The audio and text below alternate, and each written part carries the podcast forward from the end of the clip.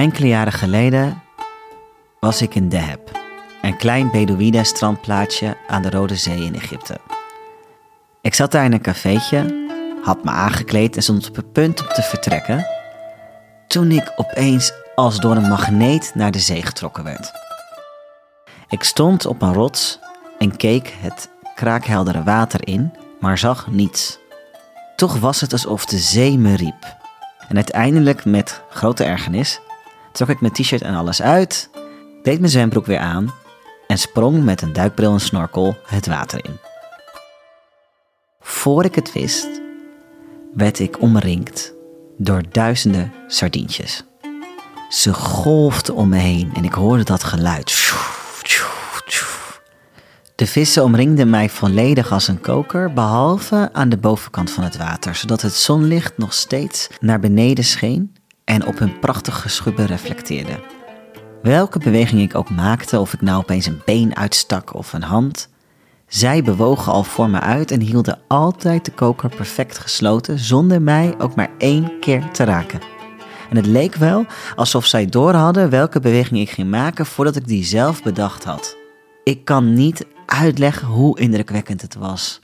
Een uur lang zwom ik in het water en een uur lang was ik omringd door niets dan sardientjes. En het voelde als een deken, als een prachtig schouwspel. Hoe kunnen we deze dieren in een blik stoppen? dacht ik terwijl ik rondzwom. En ik schaamde me dat ik deze prachtige, intelligente, samenwerkende dieren had gegeten uit een blik waarin ze werden samengeperst met vieze vette olie. Ik ben Monier Samuel en dit is Jonas zonder walvis, de podcast. Wie vanuit de ruimte naar de aarde kijkt, ziet een prachtige blauwe bol. 71% van onze planeet is bedekt met water. Daarvan bestaat 96,5% uit zee en oceanen en is minder dan 1% direct drinkbaar. Met de naderende zondvloed die op ons afkomt, zal spoedig wereldwijd nog veel meer land onder het water verdwijnen. Sterker nog, 36 wereldsteden, waaronder ons eigen Amsterdam, maar ook New Orleans, Venetië, Bangkok, Dubai, Miami, Alexandrië, Kopenhagen, Laos, Londen, Jakarta, Ho Chi Minh-stad en Lissabon dreigen al vanaf 2030 onder de golven te verdwijnen. Toch weten we meer over de maan dan de oceaan. Hoe kan dat? In deze audioervaring die ik maakte samen met Cecilia Adoré neem ik je mee op een reis langs dansende zeeschildpadden, dode walvispotten en een levenloze zee. De koppige profeet Jona moest letterlijk door een walvis worden opgeslokt alvorens hij tot inkeer kwam. Laat ons niet diezelfde fout maken nu het water ons letterlijk aan de lippen staat. Want één ding is zeker: er zijn lang niet meer genoeg walvissen om ons nog te kunnen redden. Hier is dan aflevering 2 over de kanovissers van Kizimkazi en doodsbleek koraal. Er zijn een paar reizen die ik in mijn leven heb gemaakt omdat ik echt voelde dat God mij riep. Zelfs al ging ik met hen de discussie daarover aan. Een van die reizen was naar Zanzibar, een eiland voor Tanzania, onderdeel van Tanzania ook in 2021. Ik belandde in het vissersdorpje Kizimkazi.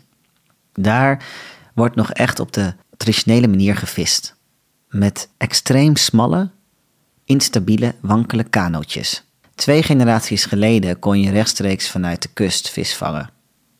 Nu moeten de vissers soms wel 15 kilometer uit de kust peddelen om überhaupt nog vis tegen te komen. De overbevissing heeft wereldwijd reusachtige gevolgen, maar juist het meest in dit soort plekken, waar hele families afhankelijk zijn van de vangst. Toen ik aankwam in Kizimkazi had er net een vreselijke tragedie plaatsgevonden. De kerstverse, gloednieuwe boutiquehotels hebben de hele vismarkt verpest. Zanzibar is als een soort Afrikaans Costa del Sol geworden, waar massatoerisme enorm zwaar op het eiland drukt. Een Russisch boutiquehotel eiste van de vissers iedere dag verse vis. Maar het was stormachtig weer. Hoewel het droogseizoen was, stortregende het en was de zee, of eigenlijk de oceaan, extreem onstuimig.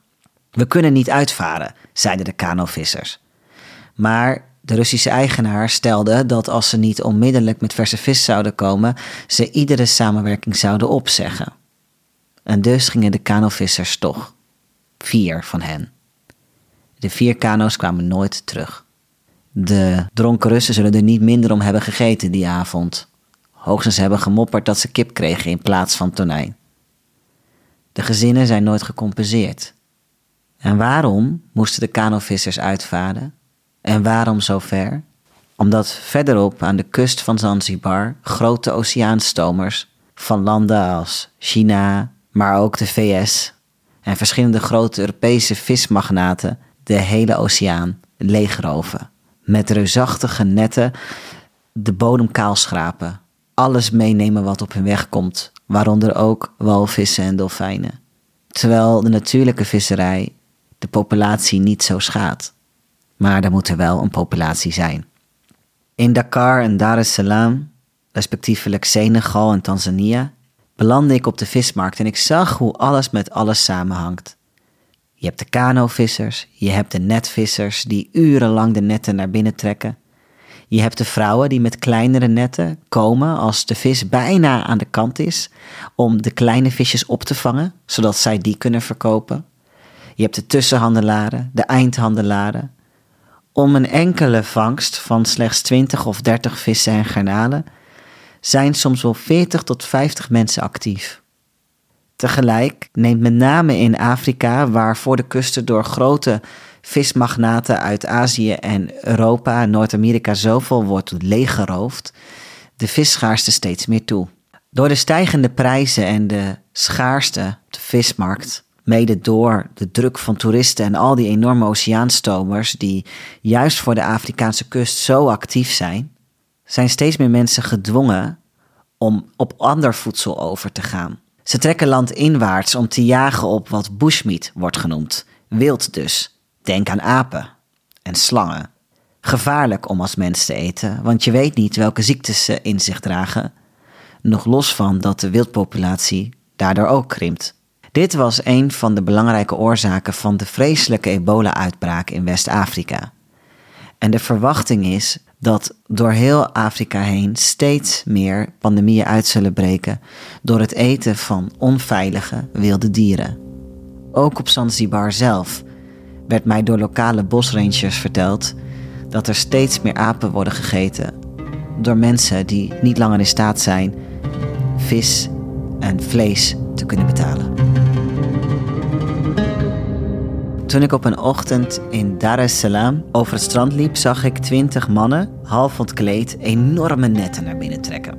Als kind heb ik altijd gevist en ik was benieuwd hoe hun vistechniek werkt en besloot hen te helpen. Hoe lang duurt het ongeveer? Een half uurtje?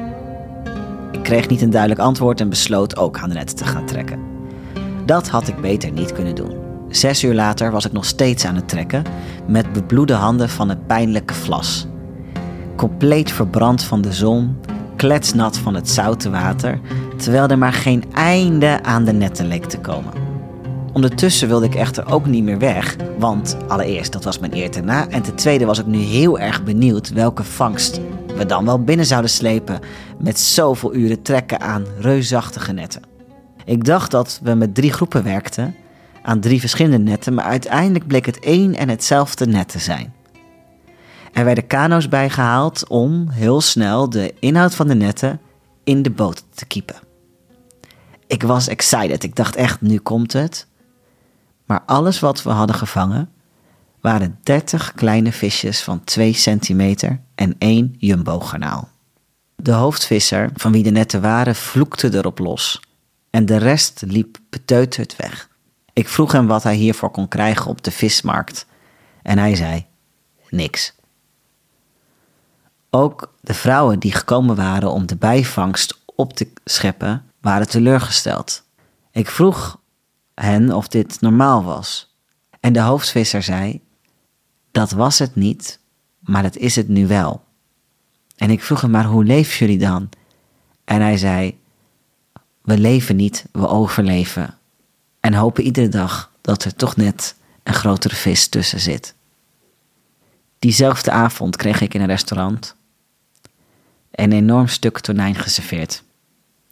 En ik dacht aan de vissers aan de kust die een hele nacht hadden gevist.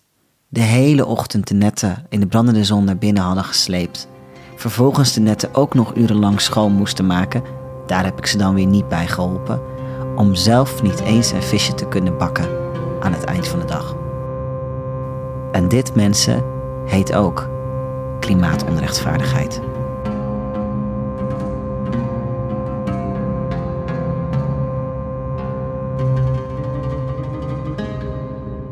Nergens wordt zoveel leven vermoord en zo massaal geplunderd als op zee. Volgens Forbes worden jaarlijks zo'n 1 tot 2,7 biljoen vissen gevangen. Dat komt neer op 1,85 tot 5 miljoen vissen per minuut. Die grote marge is een gevolg van de vele illegale visserij. Volgens Nature Communications zouden jaarlijks 30% meer vis worden gevangen dan volgens quota aan internationale verdragen is toegestaan. Terwijl die hele vispopulatie zo sterk afneemt, zijn we volgens Our World in Data juist twee keer zoveel vis gaan eten in de afgelopen 50 jaar. En dan heb ik het nog niet eens over de druk van overbevolking. Zo'n 90% van de mondiale visstand is ernstig overbevist of dreigt te worden overbevist. Volgens het Wereld Natuurfonds en vele andere onderzoeken zullen in 2048 alle grote wateren zijn leeggevist. En dat terwijl vis niet alleen het hoofdvoedsel vormen van miljoenen mensen op aarde, waaronder de vissers in Senegal en Tanzania, maar ze ook een effect hebben op het klimaat.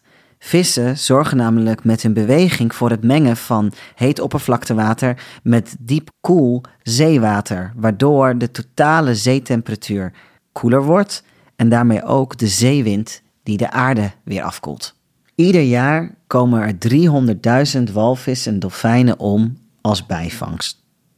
Diezelfde walvissen en dolfijnen, ja, die zo belangrijk zijn voor zuurstof en opslag van CO2, zoals ik in mijn eerdere aflevering vertel. En gesproken over die zuurstof, wie heeft het eigenlijk over de zeeontbossing? Er is veel te doen om de ontbossing op land. Iedere minuut gaan er 27 voetbalvelden aan bos verloren.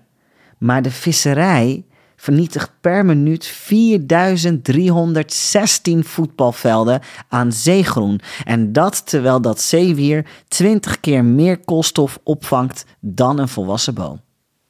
De gevolgen hiervan zijn niet alleen desastreus voor de zuurstof in de atmosfeer, maar ook het zuurstof in het water zelf. En door zuurstoftekort in het water en oceaanverzuring ontstaan wat dode zones wordt genoemd. Gebieden in het water die zo levenloos zijn dat geen plankton, geen algen en geen vissen meer in kan leven. Zeedieren, waterplanten, algen, plankton en koraal absorberen samen zo'n 31% van alle CO2 in de atmosfeer. Een dode zee of oceaan neemt geen CO2 meer op en dat betekent dus ook een dode aarde. En over een dode zee gesproken, ieder uur worden 11.000 tot 30.000 haaien gedood door de visserij. De helft vanwege de smaakloze en voedingloze vin, dat een statussymbool is in landen als China of Hongkong, en de andere helft als bijvangst. Vaak zijn de haaien al dood voordat ze weer overboord worden gegooid. En dat heeft enorme gevolgen voor de voedselpiramide en bescherming van het zeewier, want haaien eten juist die dieren op die anders al die zeealgen opvreten. Wie nu nog steeds zin heeft in sushi in een plastic bakje, hoewel dat laatste niet meer is toegestaan, de zee komt om in de plastic soep. En ik heb in de afgelopen jaren tijdens mijn rapportagereizen dit snel zien veranderen. Tegenwoordig komen zelfs in de meest afgelegen zeeën en oceanen om de halve meter plastic voor Zelfs plastic tasjes van de zeeman of verpakkingen van de HEMA kwam ik ver in Thailand en Egypte tegen. In 2030 zal er naar schatting 53 miljoen ton plastic in alle open wateren zijn. Volgens het WNF sterven er jaarlijks 100.000 maritieme zoogdieren, zoals dolfijnen en walvissen, rechtstreeks als gevolg door plastic. Vrijwel geen zeedier of vogelsoort is tegenwoordig nog vrij van plastic, wat tot een enorme afname van de biodiversiteit leidt. Toch hebben we het bijna nooit over de plastic in de buik van de bultruggen en walvissen die in Nederland aanspoelen. We maken ons terecht druk om plastic rietjes, die overigens maar 0,1% van de totale plastic soep zijn, of zaken als tasjes en plastic koffiebekers. Maar de helft van de plastic soep bestaat uit visnetten, die ook nog eens vele malen dodelijker zijn, omdat dieren er letterlijk in verstrikt raken. De populaties van vrijwel alle grote zeedieren zijn met 90 tot 99 procent geslonken. De verwachting is dat de meeste walvis- en dolfijnensoorten voor 2040 zijn uitgestorven. Ondertussen heb ik nog niks gezegd over het menselijk leed. Terwijl de Europese visserij zwaar wordt gesubsidieerd en ook de Nederlandse visserij steeds meer subsidie krijgt, zonder dat er echt duidelijkheid is over wat die bedragen zijn, weten landen in Azië, Centraal-Azië en Afrika daar niet tegen te concurreren. Dit leidt tot steeds meer moderne tot slaafmaking in de visserij en de garnalenindustrie. En ook in de kweekvisserij. Daar waar mensen helemaal niks meer kunnen vangen, gaan ze over op piraterij, zoals we bij de kust van Somalië zagen. En niet omdat zij te veel hadden gevangen, maar omdat wij hun kust hadden leeggevreten.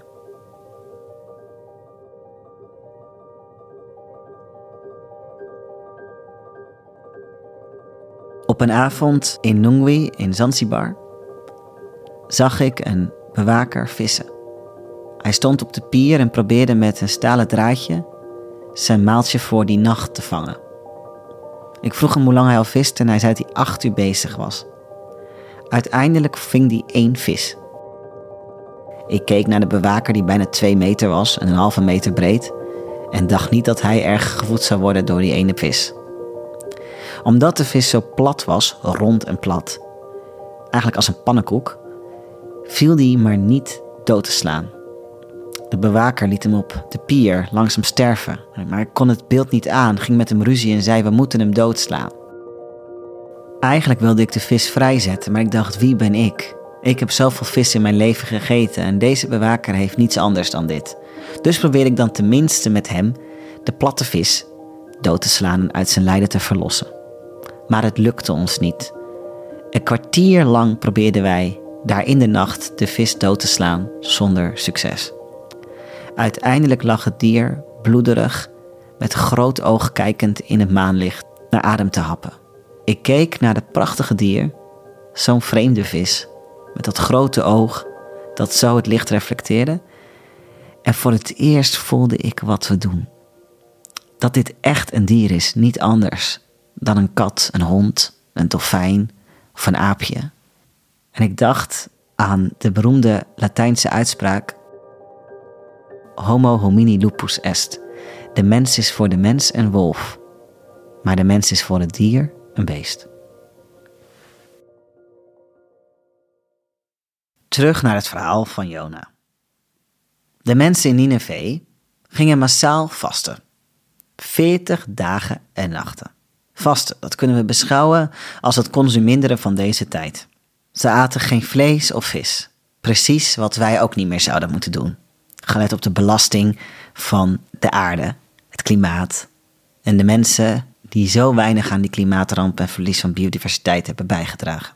Het is niet makkelijk om dingen op te geven. Ik noem het comfortrouw in mijn boek.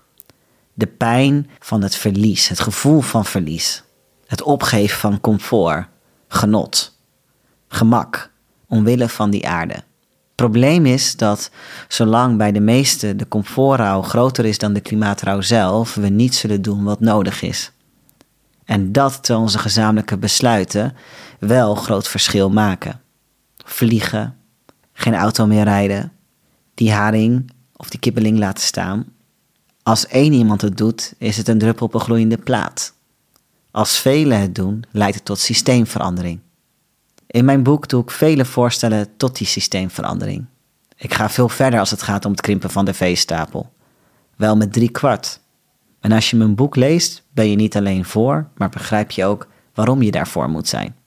Veel mensen zeggen, maar wat doet zo'n landje als Nederland er nou toe?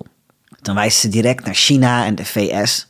Inderdaad, als je naar de totale vervuiling en productie van dit soort landen kijkt, ligt die natuurlijk vele malen hoger dan die van Nederland. Tegelijk is Nederland een megavervuiler. Sterker nog, per hoofd van de bevolking zijn wij het vervuilendste land op aarde. En produceren landen als India, Bangladesh, China juist ook veel producten voor ons.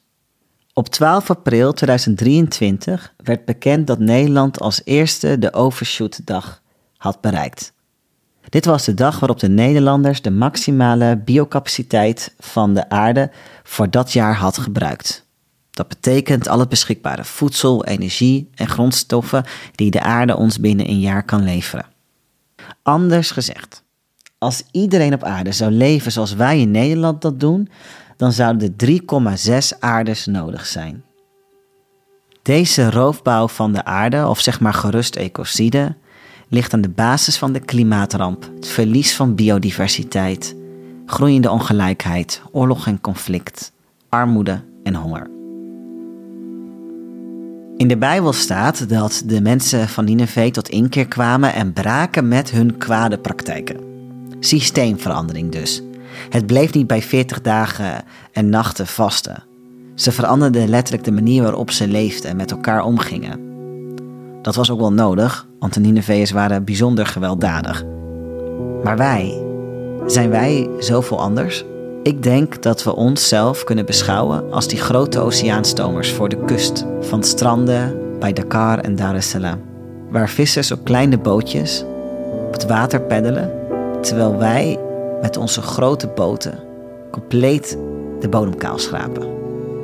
Wij zijn als rupsjes nooit genoeg. Als ikke, ikke, ikke. Terwijl die vissers de vloedgolf van onze schepen krijgen en letterlijk omslaan. We zullen niet alleen particulier echt andere keuzes moeten maken, maar ook moeten gaan erkennen wat ons manier van leven met de aarde doet. Er niet langer vingerwijzen naar landen als China en India, maar ervoor zorgen dat wij op een manier leven dat er aan één aarde genoeg is. Want er is geen tweede, zoals zij.